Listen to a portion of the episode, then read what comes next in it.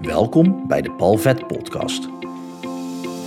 In deze podcast help ik jou met verhalen en inzichten om de blemmeringen in je leven de baas te kunnen zijn, zodat jij je talenten en jouw grootheid kunt omarmen op weg naar een fijn en vrij leven.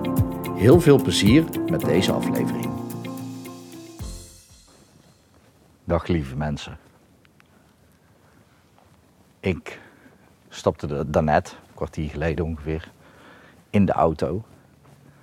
En ik dacht, uh, oh, ik ga lekker naar het bos. Dan ga ik in het bos wandelen. Wat ik nu dus ook aan het doen ben. En dan als ik in het bos aan het wandelen ben, dan krijg ik vast wel inspiratie voor een podcast. En eigenlijk mee dat ik in de auto stap, had ik al inspiratie. Dus ik begon het al op te nemen, maar ik begon heel erg afgeleid te raken. En ik dacht toen ook nog, dadelijk dan start ik lekker de podcast in als ik in het bos loop. Dan is lekker rustig. En dan kunnen jullie genieten van de vogeltjes. Nou, ik loop nu in het bos. Ik hoor geen vogeltjes. En wel een vliegtuig. dus hopelijk kan ik uh, dadelijk nog wel wat vogeltjes horen. Maar misschien slapen die al. Ik heb geen idee hoe laat vogeltjes stoppen met fluiten. Het is nu 7 uur s avonds. En op 23 september, 24 september. Nee, 25 september. Ja. En die inspiratie die tot mij kwam, dat deed me denken aan toen ik bij 365 dagen succesvol werkzaam was. Ik werkte bij dat bedrijf en 365 dagen succesvol is van David Kok en Arjan Vergeer. En toen ik daar werkte, was de doelstelling van dat bedrijf Nederland het gelukkigste land van de wereld maken, uiterlijk in 2020. Nou, dat is niet helemaal gelukt, uh, want ze hanteerden daar een lijst voor en wij, wij Nederland, wij Nederland, Nederland is geen ding, maar goed, dat, dat is ook het onhandige aan deze podcastaflevering, want ik heb hem Iedereen is onzeker genoemd. En als je mijn gedachtegoed een beetje kent, dan weet je dat het woord iedereen een generalisatie is. En een generalisatie klopt eigenlijk nooit. Al is dat dan automatisch een generalisatie die ook niet klopt. Dus, nou ja, moeilijk. Daarnaast het woord is. Of ik ben. Ik kijk nu waar ik ben. En ik heb het gevoel, ik ben verdwaald. Maar goed, Google Maps doet dadelijk wel wonderen. Mocht ik echt verdwaald zijn in het bos. Uh, en het woord onzeker is ook een label. En ik hou niet van labeltjes. En vooral niet door te zeggen, je bent onzeker. Naar het boek van Edwin Selei, je hebt het niet, je doet het. Ik denk dat dat boek eigenlijk had moeten heten, je bent het niet, je hebt het niet, je doet het. Alleen die titel is te lang. en dat bekt niet lekker en zo. En misschien is dat helemaal niet het geval hoor, ik heb het daar niet met hem over gehad. Maar goed, ehm, ik werkte met David en Arjan bij 365 dagen succesvol. En zij hadden dus als missie Nederland het gelukkigste land van de wereld maken, uiterlijk in 2020. En dat is dan niet gelukt volgens de lijst die ze hanteren. Maar ze hebben wel gezegd, ja dat is gelukt als wij de AFAS Live uitverkopen. Of de Heineken Music Hall was dat toen nog. En toen ik daar werkte, hadden zij eigenlijk twee dingen die ze verkochten. Nog wel wat, wat zijdelings andere dingetjes, maar dat was niet noemenswaardig. Hun hoofdproduct was het jaarprogramma. En in dat jaarprogramma dan ging je dus in een jaar tijd aan de slag met, met jezelf om door een transformatie heen te werken. Op vier gebieden. En in dat jaarprogramma kwam je dan samen met de andere deelnemers in dat jaar waar ik het nu over heb, die situatie dat ik daar werkte, zaten er 2500 deelnemers in het jaarprogramma. En zij kwamen dus zes keer per jaar een weekend samen. En dat was eigenlijk standaard in de Heineken Musical of AFAS Live. Ik weet niet meer wat toen de naam precies was. Maar dan weet je over welke toko ik het heb. En daaromheen ging je ook nog wel aan de slag met allerlei opdrachten natuurlijk. Het waren niet alleen die zes weekenden. Um, de transformatie vond dan juist rondom de weekenden plaats. Heel interessant. Hun andere product was het superrelatieweekend. En het Superrelatieweekend was onderdeel van het jaarprogramma, maar was ook toegankelijk voor anderen. Die kon daar dan een los kaartje voor kopen. En ja, dat is geniaal, want dat was hun marketingproduct. Door deelnemers in dat jaarprogramma te krijgen, of in, in dat weekend, in dat superrelatieweekend te krijgen, die dan proefden, uh, de sfeer proefden van het jaarprogramma, van de deelnemers. Er werd ook zelfs gevraagd van oké, zouden alle deelnemers op willen staan? En dan zit je dus in een zaal met 4000, 4500 mensen. En dan staat er meer dan de helft op. En dat zijn dan vaak ook nog degenen die vooraan zitten. En dan werd ook de vraag gesteld, nou, iedereen die spijt heeft van deelname aan dit programma, zou die willen gaan zitten. En dan blijft iedereen staan. Want het was altijd het enige laatste weekend of zo. Maar op het moment als jij spijt hebt van deelname aan iets, dan ga je er ook niet meer naartoe. dus iedereen die er was, die was committed. Sowieso, vet jaarprogramma hoor. Uh, daar niet van, maar dit zijn gewoon slimme marketing trucs die ik wil delen met je. En daar was het dus ook voor bedoeld. Superrelatieweekend, marketingproduct. Zodat mensen het jaar daarna ook in het jaarprogramma gingen stappen. Daarnaast superveel waarde. Hele bijzondere ervaring om het gebied van liefde. Daar ging het natuurlijk dat hele weekend over te onderzoeken. Liefde in jezelf, liefde in relatie tot anderen, in relatie tot ook je partner, maar ook tot vrienden, familie, dat soort dingen. En natuurlijk ook voor singles, want leuke mensen vallen op leuke mensen. Dus als je zelf een leuker mens wordt, dan vallen er leukere mensen op je. Nou, dat. En dat superrelatieweekend, daar zaten natuurlijk als doelstelling twee, tweeënhalf, drie keer zoveel mensen in als in een jaarprogramma weekend. Dus die zaal moest groter zijn. En nu kon dat in het begin prima. Want in het begin hadden ze bijvoorbeeld de, uh, hadden ze een zaal. In Leiden was dat dan, in het conferentiecentrum. En, en zo'n hotel daarnaast, daar heb ik misschien ook nog wel verhalen over. Maar een andere keer dan. Maar dat conferentiecentrum, ja, eerst hadden ze daar 300 mensen. En als dan bij het superrelatieweekend, de eerste keer dat ik was, zaten daar met 650 mensen. Ja, dat ging prima in één zaal. Maar in de Averslijf, als er al 2500 deelnemers zitten, ja, past dat dan wel op het moment dat er dan 5000 mensen in, ze, in kunnen? Nee, want in de Averslijf zijn het maximaal, het zal het zijn, 4.500. Maar dan zit het echt, echt proppievol. Dat is echt niet fijn. En uh, ik ben eens even echt aan het kijken waar ik ben. Ik zie hier links een pad waarvan ik me afvraag of dat, dat een pad is. Dus ik ga daar maar eens even op lopen. Dat vind ik wel leuk. Misschien leidt het wel tot niks. Nee, dat is geen pad, nee. In ieder geval niet voor voetgangers, denk ik zo. Hm, jammer.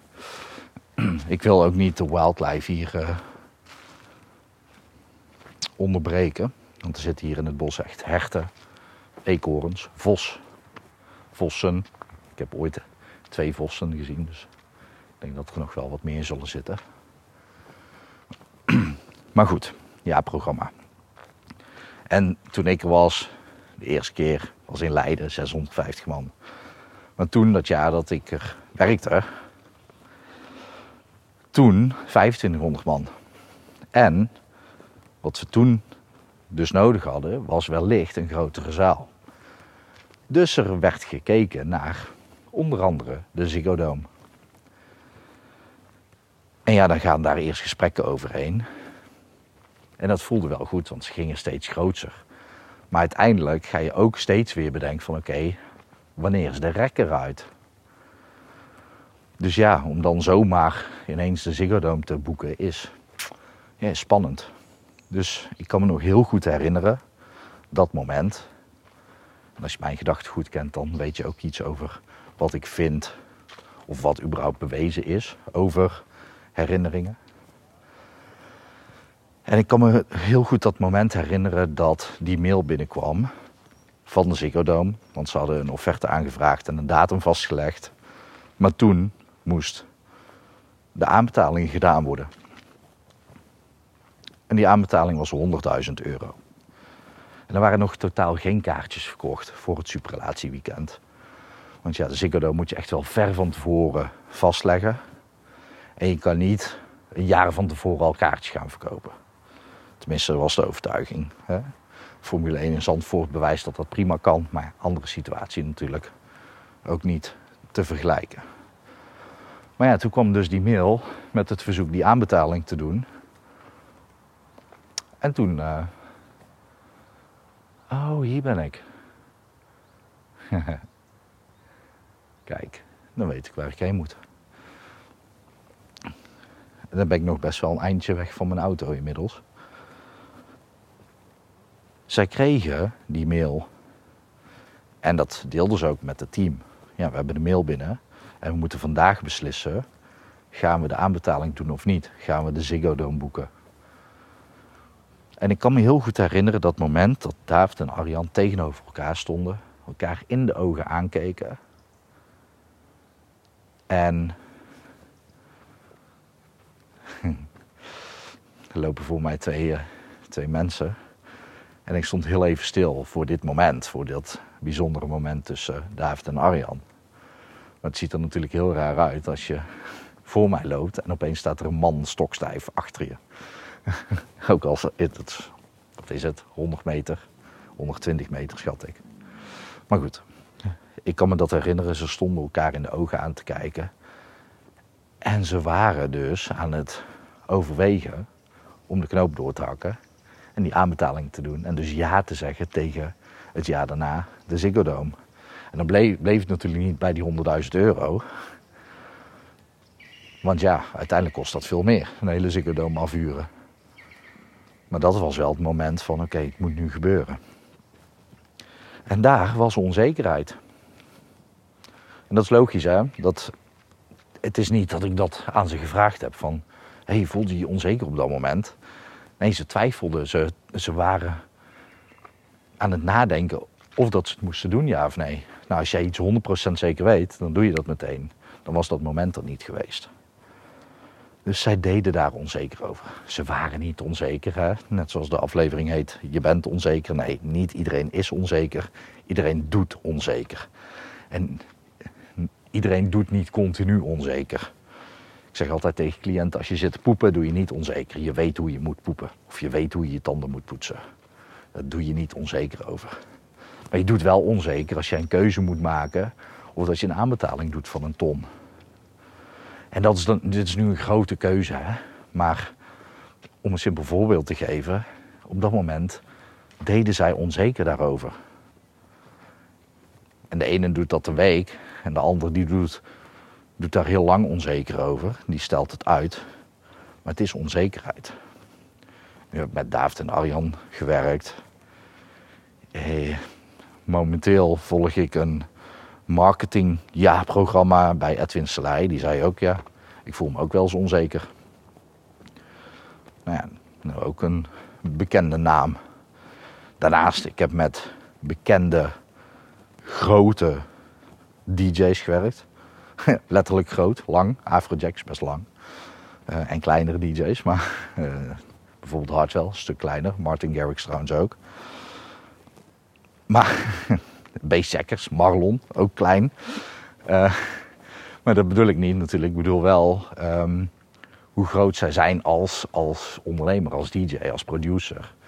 Um, je, hebt, je had toen een DJ-list die best wel gerenommeerd was. Wordt steeds minder. Nemen steeds minder mensen serieus. Maar ja, als je het dan over Hardwell of Martin Garrix hebt, dat zijn wel, of Afrojack, zijn alle drie nummer één DJ's van de wereld geweest. Sorry, dat weet ik trouwens niet zeker of dat Afrojack dat ook is geweest. Geen idee. Maar goed, hè? grote namen. Grote producers. Reken maar van juist dat die ook wel eens onzekerheden hebben. Elk mens heeft onzekerheden. En waarom ik dit vertel over deze mensen, het zouden mensen kunnen zijn die je op een voetstuk plaatst. Misschien ook niet, hè.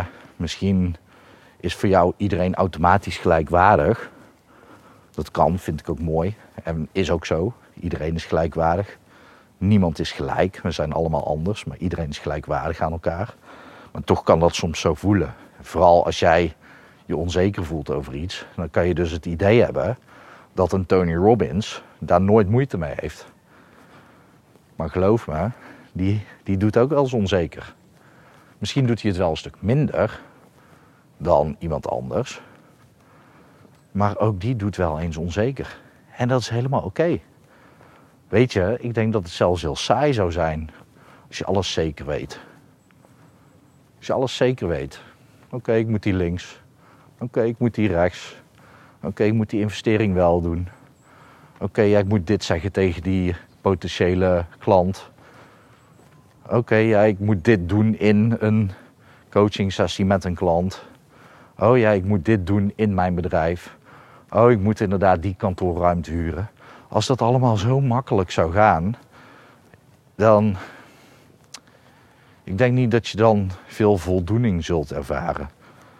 Vaak als dingen te makkelijk gaan, dan betekent het dat je op een lager niveau aan het spelen bent dan dat je zou kunnen. En soms kost het dus wat moeite als je naar een hoger niveau gaat. Ja, soms is het ook gewoon zo. Soms is het ook gewoon zo dat je wat onzeker doet op elk niveau. En dat is helemaal prima. En de ene keer heeft het inderdaad met je business te maken. En de andere keer heeft het met je leven te maken. Met je privéleven, om het dan zo maar te zeggen. Ik maak daar normaal gesproken niet echt onderscheid in. Ik uh, praat niet over een werk-privé-balans of zo. Ik weet niet eens of dat, dat de juiste bewoording is. Het is meer een, een levensbalans die belangrijk is. En, uh, oh. Ik zag net uh, die twee mensen die voor mij liepen, linksaf ergens het bos inlopen. En die zijn dus hier ergens zo'n heel smal paadje ingewandeld. Leuk. Ik denk dat ze hier allerlei dingen aan het aanpassen zijn in het bos. Ik loop in het Masbos en het Masbos heeft de naam gekregen van de bomen die worden, werden gebruikt, misschien nog steeds wel, voor de masten van boten. Vandaar het mastbos. En het is net, ja, wat zal het zijn, een week of vijf geleden. Misschien is het nog steeds wel aan, aan de uh, gang uh, dat uh, bomen gekapt werden. En nu liggen er dus overal allemaal die ja, superrechte ook, boomstammen. Maar als je die dus in een gedeelte laat vallen in het bos. Ik ben ondertussen aan het kijken, want het, ligt hier echt overal. Dan wordt dat helemaal plat gestampt natuurlijk. En dan lijkt het alsof er een pad ontstaat op dat punt. Maar als die boomstammen dan weg zijn gehaald, dan is dat pad er nog. Maar ik weet helemaal niet of dat, dat een daadwerkelijk pad is. Het lijkt er wel op. Ja. Nou goed. Onzeker. Onzekerheid hoort er gewoon bij. En is eigenlijk gewoon we zien onzeker als, een, als iets negatiefs, terwijl onzekerheid ook een basisbehoefte is. En misschien moet ik hem maar zo noemen. Ja, misschien is dat een betere titel. Dan uh, dat stukje net over wat ik zei, iedereen is onzeker, dat wordt hem niet. Onzekerheid is een basisbehoefte. En dat maakt het eigenlijk veel lichter. En leuker ook. Kijk, volgens Tony Robbins zijn er zes basisbehoeftes. Zekerheid. Iedereen heeft behoefte aan enigszins een zekerheid. Dat je in ieder geval weet dat je vanavond te eten hebt en een bed hebt om in te slapen. misschien geldt dat voor jou niet, maar onderdak of een andere zekerheid. Dat je als je naar het toilet moet, dat je gewoon ergens uh, kan. Dat is ook wel fijn. Dat soort dingen. Maar iedereen heeft ook behoefte aan onzekerheid. Want op het moment als alles zeker zou zijn in je leven. Als je nu al weet hoe de rest van je leven zou gaan. Zo, dat zou echt saai zijn. Dat zou echt saai zijn. Dat wil je niet. Dus iedereen heeft ook behoefte aan onzekerheid. En de een meer dan de ander. En ondernemers vaak meer dan anderen. Maar daar kom, komt dus ook bij dat er soms ook onzekerheden komen die je wat minder leuk vindt. Tony Robbins zegt dat ook in zijn echte famous TED Talk. Die is echt geniaal. Volgens mij was hij daar 30 jaar of zo. Dan zat in de zaal onder andere Al Gore, de vice, ex-vice-president van Amerika. Ik hoor soms uh, beestjes weg, wegschieten, dus dan hoop ik er een glimp van op te vangen. Maar hij zegt ook, hij vraagt aan de zaal, ja, wie van jullie houdt er van verrassingen? En ja, ik denk de helft van de zaal die steekt de hand op. Hij zegt gewoon bullshit. Jullie houden alleen maar van verrassingen op het moment dat je het leuk vindt. Maar als je het niet leuk vindt, noem je het problemen. En dat is een beetje dat met onzekerheid. Je houdt van onzekerheid, want daarom doe je wat je doet. Maar je wil je niet onzeker voelen. Er zijn twee verschillende dingen die met elkaar te maken hebben. Want het is dus een behoefte van je dat er onzekerheid is. Alleen als je daar dus vanaf wil, dan zou je dus 100% zekerheid in je leven willen hebben. En dat werkt niet. Dat wil je niet. Misschien wel iets meer zekerheid. Dat kan. Het kan zijn dat je behoefte hebt aan iets meer zekerheid. Dat zou kunnen. En dan kom je uit, uiteindelijk weer uit bij elk probleem wat je in je leven doet, levert je iets op. Anders zou je het niet doen. Dan moet je anders die podcastaflevering nog maar even luisteren. Het raakt allemaal zo mooi in elkaar altijd. Ehm, dus je probleem levert je iets op. Zo heet die aflevering volgens mij. Als ik die titel ook niet heb gewijzigd. maar we hebben behoefte aan onzekerheid. Maar we willen ons niet onzeker voelen.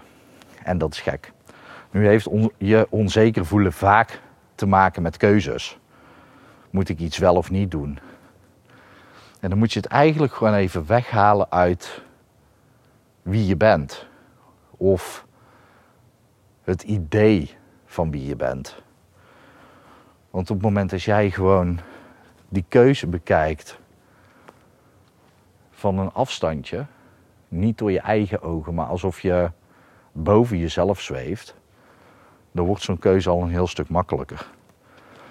Ook als je gaat kijken, um, hoe heet die aflevering nou? Dus niet de vorige, maar die daarvoor.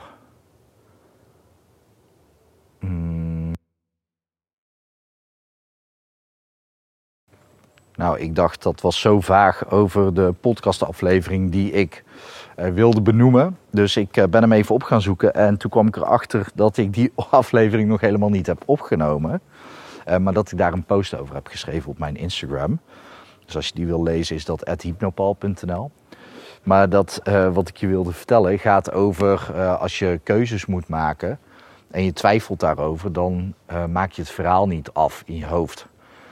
Dus ook als je onzeker doet over een keuze, um, dan denk je heel vaak na over het wel of niet doen. Dat is vaak zo. Hè? Je kan dit op alle keuzes ook um, projecteren. Dus mocht het niet zo zijn dat een ja of nee keuze is, maar een ander soort keuze. Dan ben je slim genoeg om deze methode daarop aan te passen. Maar hoe, um, hoe je het in je hoofd vaak doet bij wel of niet, is dat je het verhaal afdraait tot aan de keuze. Dus heel simpel gezegd, zal ik hier linksaf gaan, dan denk ik ook vaak alleen maar aan: oké, wat gaat me opleveren of zo als ik linksaf ga? Maar dan is mijn focus op het woord linksaf gaan wat betekent linksaf gaan dan voor mij? En wat dan dus heel erg goed helpt, is om te bedenken van... Oké, maar als ik dan linksaf ga, wat gebeurt er dan daarna? Wat gebeurt er? Stel ik ga linksaf en het pakt goed uit. Dat is ook iets wat we vaak niet doen, hè? Nadenken van, oké, wat als het wel lukt? Dus linksaf staat nu even als metafoor voor het lukt wel. Oké, stel dat het wel lukt. En dan? Wat gebeurt er daarna? Nadat de keuze goed heeft uitgepakt. En wat gebeurt er daarna dan? Dus eerst heeft de keuze goed uitgepakt, dan gebeurt er iets. En wat gebeurt er dan als gevolg van dat de keuze goed heeft uitgepakt en het gevolg daarna? En als je dat verhaaltje zo in je hoofd afrolt, dan heb je helderheid over het linksafgaan. Daarna moet je dat ook doen met rechtsafgaan. Dus wat nou als je rechtsaf gaat. Oftewel, in dit geval linksaf was, het pakt goed uit. Rechtsaf is, het pakt niet goed uit. Nou, dan kan je dus aan verschillende uh, scenario's denken. Maar eentje daarvan is de beste om ook even in oogschouw te nemen. Wat is het ergste wat er kan gebeuren? Dus stel het pakt niet goed uit en het ergste gebeurt. Oké, en wat dan daarna? Want vaak stoppen we dan met denken. Oh, het ergste wat er kan gebeuren is dit. Oeh, ja, nee, dat vind ik spannend. Ja, dat, dat, klopt, dat is spannend. Maar wat gebeurt er daarna? Stel dat dat werkelijkheid wordt. Wat gebeurt er dan daarna? Wat doe je daarna? Welke mogelijkheden heb je daarna? En nadat het dus slecht heeft uitgepakt en je weet al wat er daarna gebeurt, wat gebeurt er daarna? En zo kan je net zo ver doorgaan totdat je en linksaf, het pakt goed uit, en rechtsaf, het pakt niet goed uit, helemaal de verhalen hebt afgedraaid. En dan ontstaat er een soort van ontspanning in jezelf. En dan kun je vanuit ontspanning veel beter een keuze maken. Want dan heb je eigenlijk als een soort van schaker nagedacht over oké, welke scenario's zouden er allemaal plaats kunnen vinden. Uh, maar dan niet alleen nadenkend tot aan het eerste moment, maar echt alle zetten daarna. Dat geeft zoveel rust en vooral overzicht. Dus dat is ook nog een manier om keuzes te maken en daar ook zeker over te zijn. En dat is altijd een goed ding om te doen. Je kan jezelf altijd de vraag stellen: oké, als ik deze beslissing neem, wat is het ergste wat er kan gebeuren? En kan ik daarmee leven als dat gebeurt? Een hele goede vraag om te stellen. Kan ik daarmee leven als dat gebeurt? En als het antwoord daar ja op is, dan is het eigenlijk al veel makkelijker om de keuze te nemen en voor het goede te gaan. Maar je moet wel altijd beide scenario's even uitschrijven of in ieder geval goed doordenken voor jezelf. Dus uh, ja, hoef, je, hoef je de post op Instagram niet meer te lezen. Mocht je het na willen lezen op Instagram, hypnopal.nl. Dat werkt ook wel goed, want de een is meer gericht op audio. Nou ja, je luistert niet voor niks een podcast, maar soms is het ook wel fijn om het even terug te kunnen lezen. En dat is dus een paar dagen geleden, dus dat zal ergens 20 september zijn geweest. Nou, rondom 20 september 2021. Maar goed, onzekerheid is dus een basisbehoefte en eentje die jij ook veel fijner vindt dan mensen die 40 jaar bij een baas werken. Want ja, jij doet nu wat je doet omdat je ook van onzekerheid houdt. Maar dan is het dus wel slim om dat te omarmen en te snappen dat ook gewoon mensen die jij misschien op een voetstuk plaatst, die al voor jouw gevoel verder zijn dan jij, nog steeds tegen onzekerheden aanlopen. Maar vaak zijn dat wel mensen die krachtiger en sneller keuzes durven te maken. En dat komt omdat ze onder andere deze tools voor hoe maak je keuzes bij de hand hebben. Nou goed, ik ga hem afronden, want ik zag net toen ik hem even pauzeerde dat ik inmiddels al, volgens mij was het 20 of 22 minuten aan het kletsen ben. En ik ga nog even lekker genieten van de stilte van het bos. Al hoor ik wel in ieder geval één vogeltje fluiten. Ik ben benieuwd op wat voor manier dit jou heeft geholpen. Dat je op deze manier een andere perceptie van de wereld hebt. Dat je kunt begrijpen dat elk mens onzekerheden heeft of onzekerheden doet eigenlijk. En dat dat helemaal oké is. En dat juist door keuzes te maken jij een sterker persoon wordt. En nou ja, ik heb je ook meteen wat tools gegeven om dan op een veel slimmere en intuïtieve manier is dat keuzes te maken. Maar wel nadenken. Wel blijven nadenken altijd. Overigens, als je een keuze maakt, zeg ik er altijd bij, maak een keuze heel snel en krachtig, maar voer de beslissing met je hoofd uit.